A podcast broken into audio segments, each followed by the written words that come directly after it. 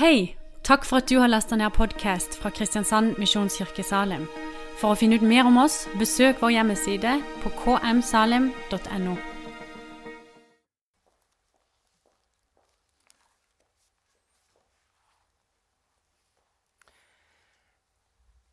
Ja, jeg heter Tor Jan og kommer egentlig fra Stavanger opprinnelig.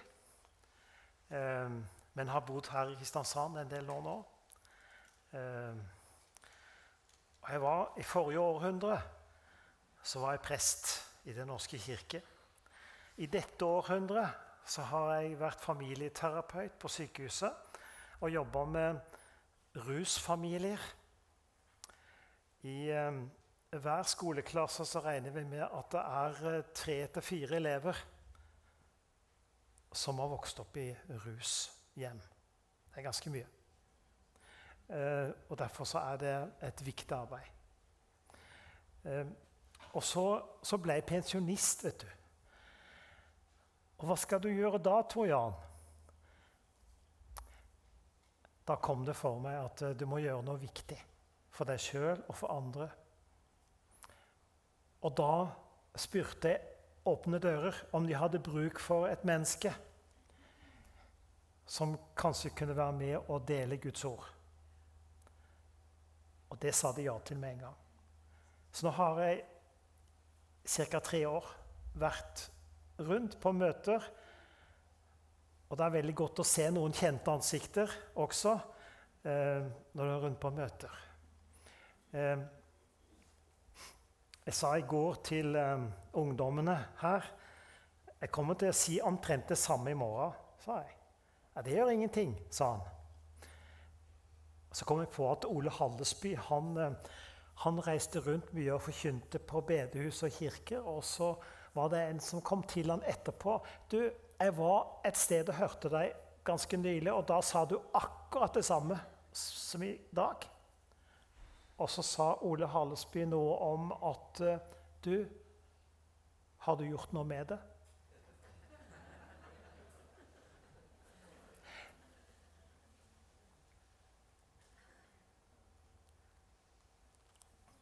Da jeg var tenåring, så leste jeg en bok av broder Andreas. De har oversatt den og gitt den ut på ny, og den ser sånn ut nå. Den boka sådde noen frø i meg som gjorde at eh, det lå der og spirte og grodde. Og når jeg ble godt voksen, så på en måte slo det ut i blomst, og det begynte å jobbe med meg. Og jeg er veldig glad for at jeg får lov til å være med i Åpne dører. Eh, og jeg utfordrer dere til å kjøpe litt bøker. Og så kanskje gi noe til noen. For det er utrolige historier i disse bøkene som Åpne dører har. Gå inn på nettet, Open Doors eller åpnedører.no, eh, og tenk at kanskje det er noen du kan eh, Istedenfor en blomst eller et eller annet annet, gi ei bok. Et uh, godt tips ut fra egen erfaring. Uh, og så uh, utfordrer vi dere i dag til å ta imot et blad gratis i posten en gang i måneden. Åpne dører. Det er et fantastisk flott blad. Og så er det sånn at det er ikke så utrolig mange sider, så det er mulig å lese uten at du skal bli helt trøtt. Det ligger en lapp der ute i foajeen. Kan skrive navn og adresse. Så får du det gratis i posten. Så ligger det alltid en sånn post, eller giro, men den kan du hive med god samvittighet hvis du tenker at det, du har så mange å gi til. Ok? Visjonen i Åpne dører er, står det, å styrke og utruste kristne som lever under press og forfølgelse pga. sin tro på Jesus Kristus, og oppmuntre dem til å utbre evangeliet til jordens ender.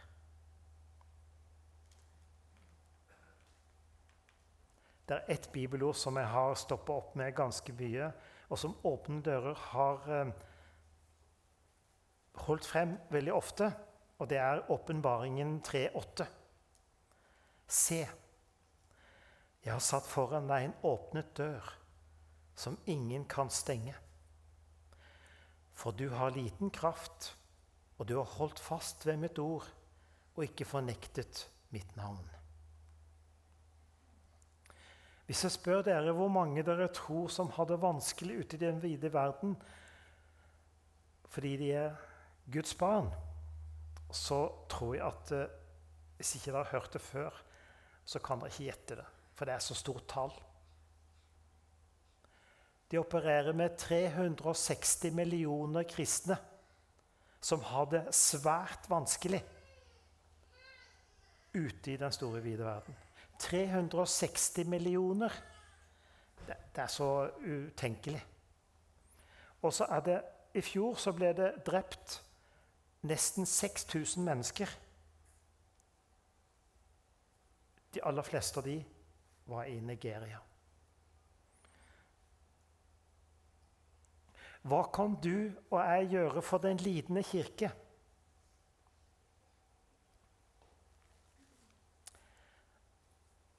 Hva er det viktigste, hva er det mest effektive vi kan bidra med? Du, har lyst til å spørre Tør du be for noe eller noen? Og dermed bli Kanskje si våge å bli en del av løsningen. Tør du be for noe eller noen, og dermed våge å bli en del av løsningen?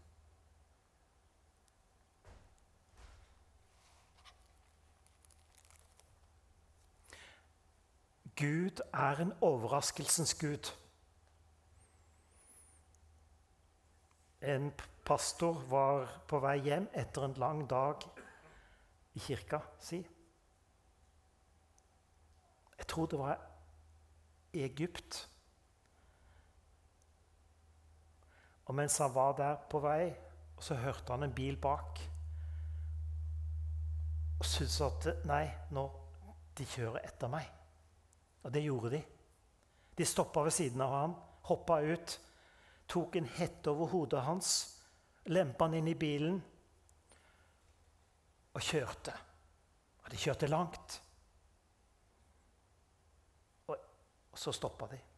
Tok han ut av bilen, førte han inn i et rom, fremdeles med hette over huet. Han hørte det var ganske mange folk der. Og så tok de hetta av. Og så sa de vi beklager brutaliteten. Vi er hemmelige kristne som samles i skjul fordi vi våger ikke å stå frem. For da risikerer vi livet med en gang. Og så sa de vi har ingen pastor hos oss som kan dele nattværen til oss. Vil du være pastor nå og dele nattværen til oss? Og han delte ut nattværen til dem. Når det var over, så tok de hetta på ny over hodet hans for at han ikke skulle se hvor han var. Loste han ut i bilen og kjørte han der de hadde tatt han. Gud er en overraskelsens gud. Det er tre tydelige trender som fins ute i den store, vide verden av forfølgelse i dag. Og det, er, det ene er det er en stor økning av hellig krig. Det andre er stadig flere kristne er på flukt. Det er snakk om millioner. Og høyteknologi brukes i overvåking av de kristne. Kineserne ligger langt foran.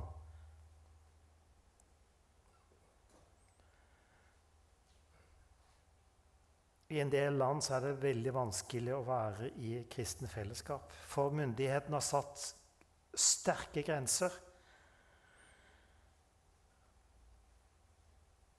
for hva du kan si, for hva du kan fortelle om Jesus. I et sånt land så fikk myndighetene vite at det var en pastor som var altfor ivrig etter å dele det gode budskapet om Jesus. Og en dag så banka det en politimann på døra til pastoren for å arrestere ham. Ut kom ei lita jente på 12-13 år og sa at 'pappa var ikke hjemme'. Vi venta han hjem om en time. Bare kom inn.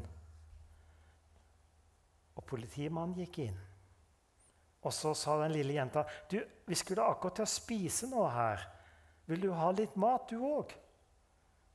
Og så fikk han en tallerken. Og så sa jenta du, pleier du å synge for maten?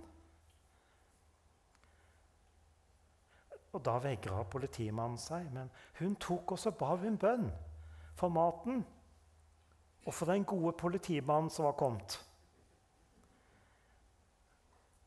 Han ble så berørt av et lille menneske som hadde en sånn omsorg. Så eh, når pastoren kom hjem, så ble det ingen arrestasjon. Han satt isteden og spurte, 'Du, hva handler troen din om? Hvem er Jesus?' Resultatet av den samtalen var at han bøyde kne, tok imot Jesus. Og han ble en levende beskytter for denne menigheten.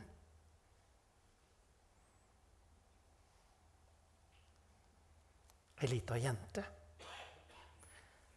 Døråpner for en mektig politimann. Det er sånne hendelser som gir håp. Og Likevel så er det mange dystre tall om forfølgelse. 360 millioner. Det er liksom sånn uforståelig.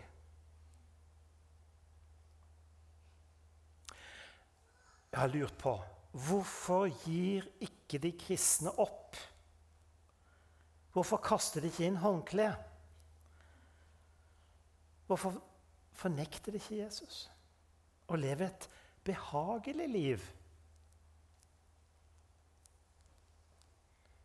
Noen gjør det. Omkostningene er store. Forfølgelsens former er mange.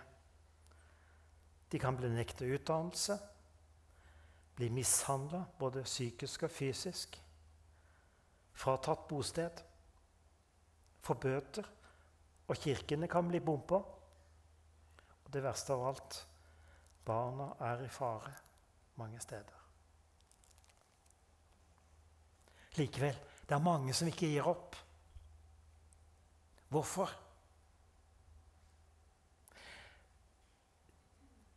Fordi de har smakt det som står i Salme 34, 34,9.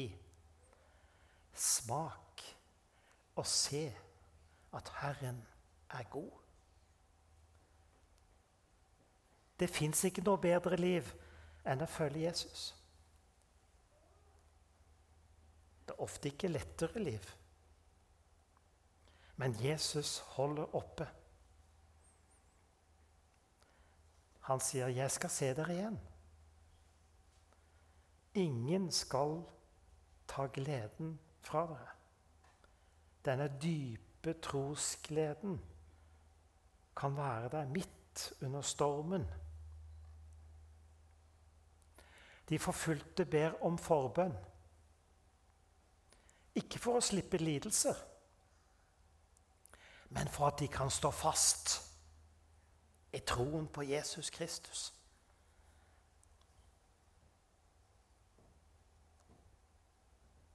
Og så sier de til oss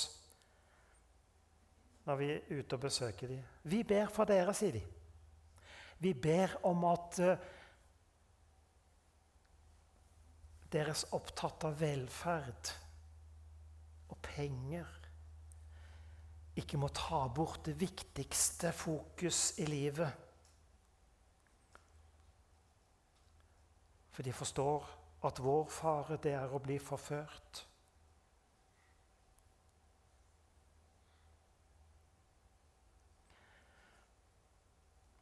En vitenskapsmann drev med insekter. Og han eh, Sommerfugler var liksom det store han holdt på med. Han eh, Han så at en del sommerfugler ikke klarte å komme ut av puppehulsteret. Så tenkte han nå skal jeg prøve å hjelpe slik at alle kommer ut. Og så brukte han en spesialkniv til å skjære åpningen i puppehulsteret ørlite større. Og resultatet? Alle kom ut. Men ingen hadde vinger. Da skjønte han. Det er det harde presset ut som gjør at vingene kommer på plass.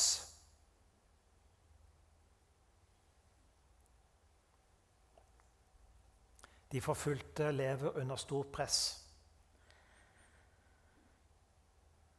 Men de ber altså ikke om at forfølgelsen må utebli.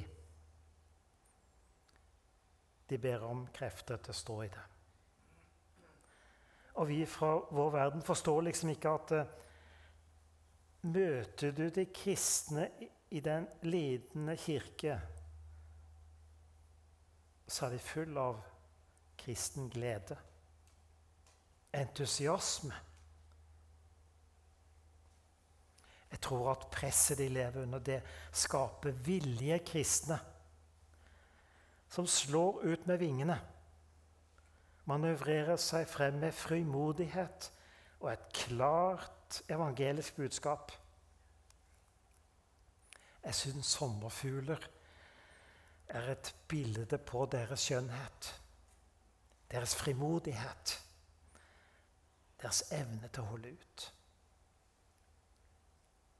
Fordi de ser på forvandlingen og forandringens mulighet med det håpet som Jesus har gitt.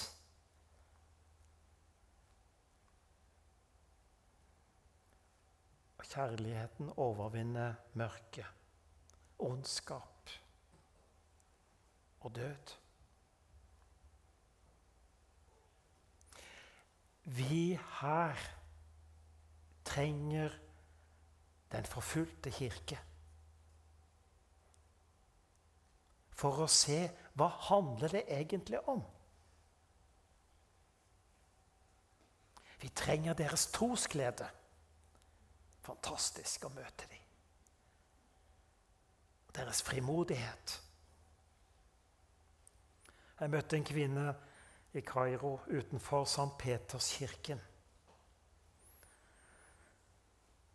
For ett år siden så var mannen blitt drept av en ekstrem muslim i et angrep hvor 25 mennesker omkom.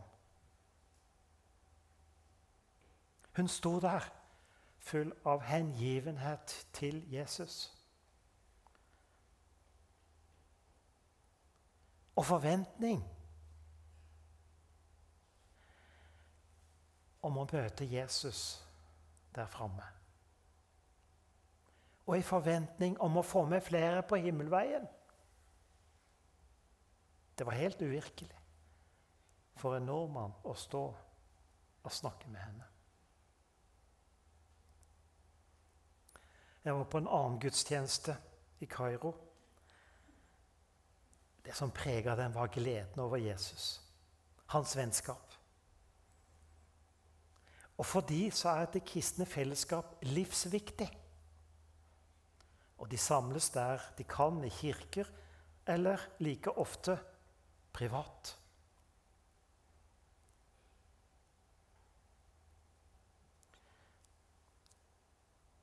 det å være kristen kan ofte være vanskelig en del, særlig muslimske land. Ofte får de ikke lov til å vitne om sin tro. Familien kan ta avstand. Ikke bare avstand, men de kan komme med drapstrusler. Og de kan til og med gjennomføre det.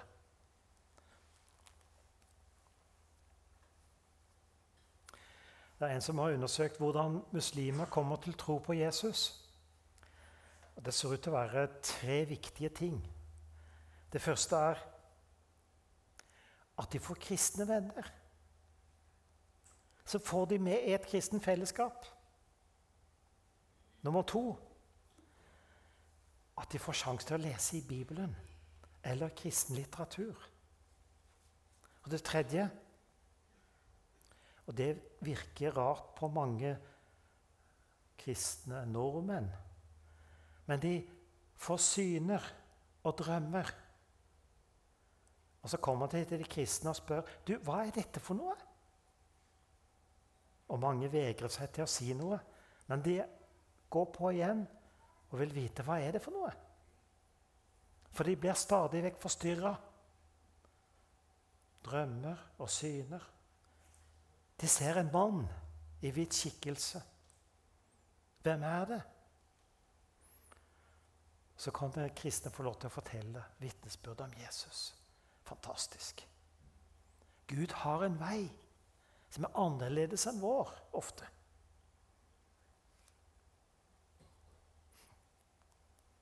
Kairo er en kjempeby. Ca. 20 millioner mennesker bor der. Og der blir det mye søppel. Derfor er det noen søppelbyer rundt omkring. Jeg tror det er tre stykker. I ett av de så har en som heter Simeon Han er ca. 80 år gammel nå. Han er prest. Og Så dro han inn i den søppelbyen for å hjelpe. Alle jobba med søppel. De var fornedra, de var lutfattige. Mye kriminalitet, rusmisbruk. Mye som skjedde der som var dårlig. Men Simon kom der, fikk med seg folk. Og så begynte de å forkynne evangeliet. Sette folk i frihet. Og så starta den forvandlingen som er, i dag et helt annet samfunn. Nesten ingen kriminalitet. Unge jenter kan gå ute på kvelden trygt. Og når vi som turister kommer der, så smiler de og vinker.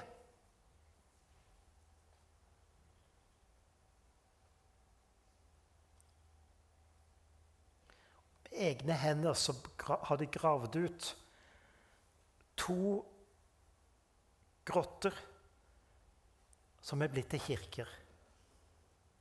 Der samles tusener av mennesker. Og Det forunderlige er at der kommer det en del muslimer for å bli bedt for, for å bli helbreda og satt fri fra ånder som plager dem. De siste fem årene så, så har presten Simon eh, trolig døpt eh, flere tusen muslimer.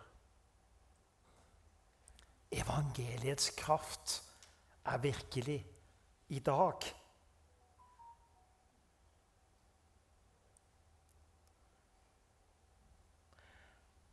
Første gang jeg var der, så var det på en lørdag. Dagen etterpå skulle være gudstjeneste på søndag. Den søndagen skulle ca. 100 mennesker døpes til å være etterfølger av Jesus. Gudstjenestene de sendes på satellitt-TV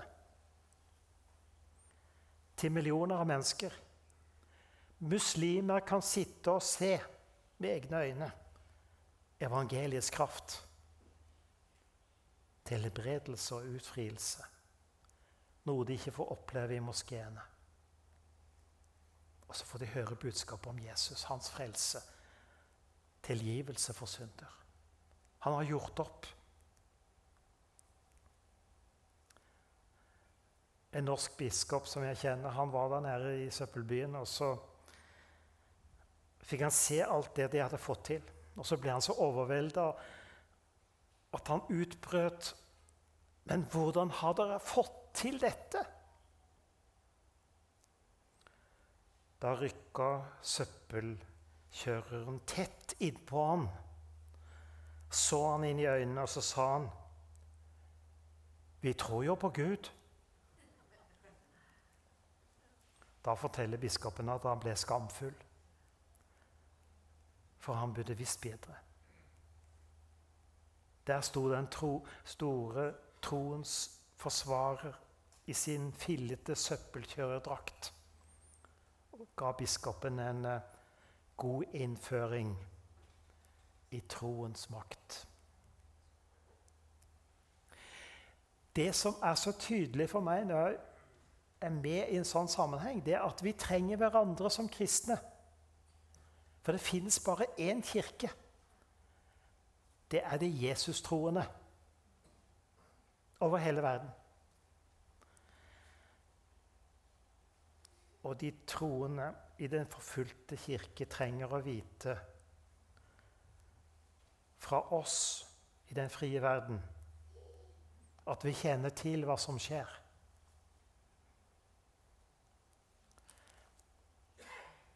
Og så sier de når vi kommer og besøker dem så flott at dere vil være sammen med oss, be for oss.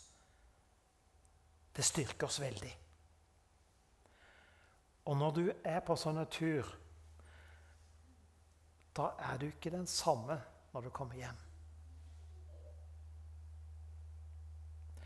Jeg fikk med bibelgruppa mi sist gang på tur til Egypt. Og så når vi kom hjem, så sa han som hadde reist rundt ganske mye steder i verden Han sa dette er den fineste turen jeg har vært med på. Å møte den forfulgte kirke. Og så I tillegg så må vi ha noen sånn sightseeing-greier. For du vet, de vil ikke ta imot oss hvis vi bare skal besøke de kristne. Så vi må spe på litt sånne ting òg. Men eh, så sa han Jeg vil snart reise ut igjen på en ny tur. Og så bestemte hele gruppa eh, vi, vi må ta en tur ganske snart igjen. Og så kom korona. Så vi går og venter på neste tur.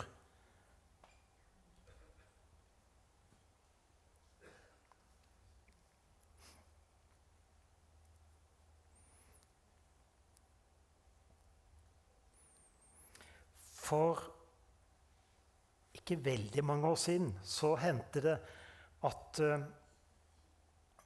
myndighetene i Egypt de fikk det for seg at de kristne forberedte seg på opprør. Og at de hadde gjemt våpen rundt om i kirkene. Så de foretok en razzia i alle landets kirker for å se. Resultatet sto i en hovedstadsavis i Kairo. Med store overskrifter sto det Kirkene er fulle av våpen.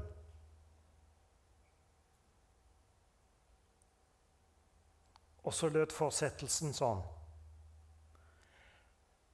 Og det våpenet heter tilgivelse.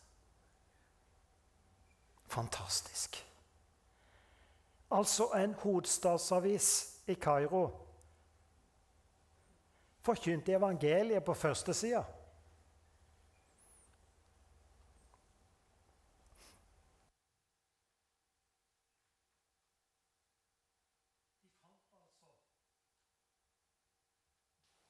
De fant altså ingenting annet enn mennesker fulle av tro og vilje til å tilgi. Åssen kan sånt skje?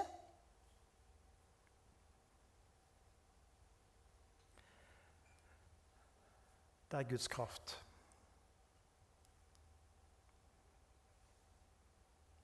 Det er Guds ord som har en forunderlig evne til å forandre mennesker og gi håp.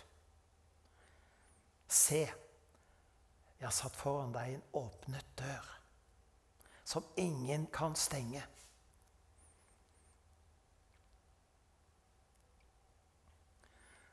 Det var bispeinnsettelse i, i Bergen, i Den norske kirke. Og Der var det nattvær. Og Der kom ei lita jente fram, tok imot nattvær. Og Så gikk det en stund, så kom den samme jenta fram igjen. Og da la biskopen merke til at det var jo den samme jenta som hadde vært her for en liten stund siden. Så hun sa det. 'Har ikke du vært her?' Nettopp. Jo. Men dette er til mamma. Hun sitter langt bak der. Hun tør ikke komme selv. Ei lita jente døråpner. Vet du hva? Jesus kaller deg og meg til å være døråpnere. Slik at andre kan ta imot Jesus. For er du en kristen, så er du Guds medarbeider. Enten du er liten eller stor. Jeg tror Gud bruker spesielt barna. For de har ikke de motforestillingene og så er de mer åpne. Evangeliet kommer og utbasunerer at kristen tro er de stengte dørers evangelium. Jesus kommer gjennom stengte dører uten at eh, noen har fortjent det. Heller det motsatte. Disiplene greide ikke å holde Jesus ute. Og han kom ikke med dundrende kjennepreken. Han kom gjennom stengte dører med fred, tilgivelse og arbeidsoppdrag. Jeg har jobba med mye spesialister på sykehuset. Men uh, Jesus er uh, spesiell, for han er spesialist i å komme gjennom åpne, stengte dører.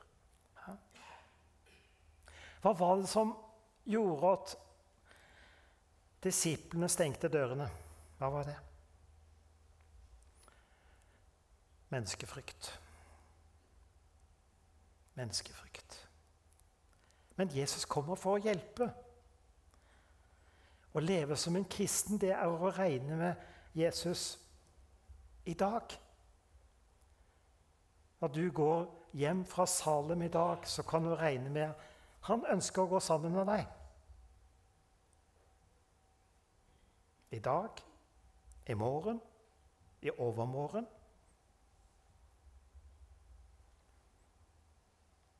Og så tar han deg ved hånden og så forteller han det. Du er avslørt og likevel elsket. Du er en skrøpelig synder og samtidig gjort rettferdig ved hans korsoppstandelse. Sånn er det i Salem også i dag. Det er mye mer om å gjøre for Jesus å være sammen med oss enn oss å være sammen med ham. Og så går Jesus foran, og så forbereder han mennesker. Oss spør han bare er du villig til å bli med. Han spør ikke om du har masse evner og krefter, ressurser. Han bare spør er du villig. Så kan han legge til rette.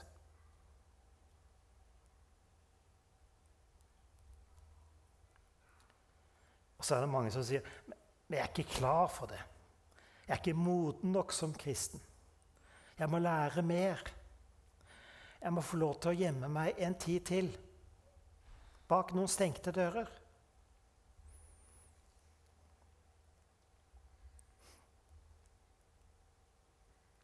Å være en kristen det er å gå sammen med Jesus gjennom stengte dører, kanskje også. Kanskje inn gjennom stengte hjerter.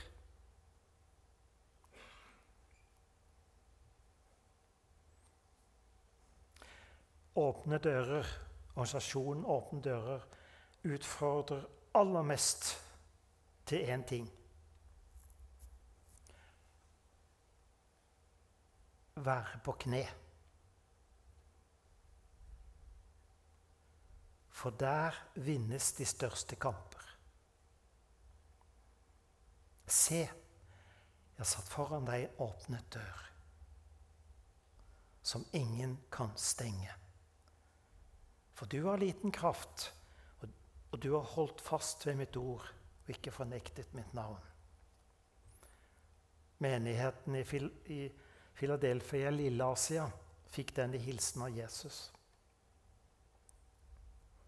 De hadde holdt fast ved Guds ord om frelse. La oss be om nåde og kraft til å leve i Guds forsoning.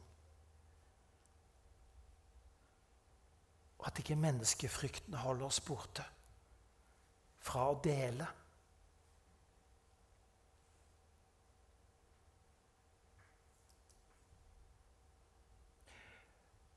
Hvis det hadde stått en fra den lidende kirke her i dag, så hadde du tenkt Går det an å være så glad kristen?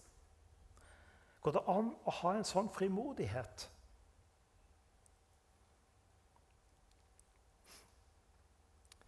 I 2018 så var det en undersøkelse blant studenter i Norge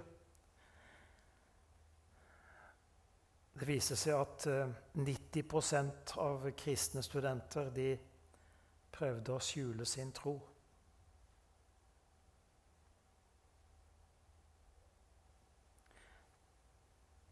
Husker du at jeg starta med å stille et spørsmål? Tør du be for noen eller noe, og dermed våge å bli en del av løsningen?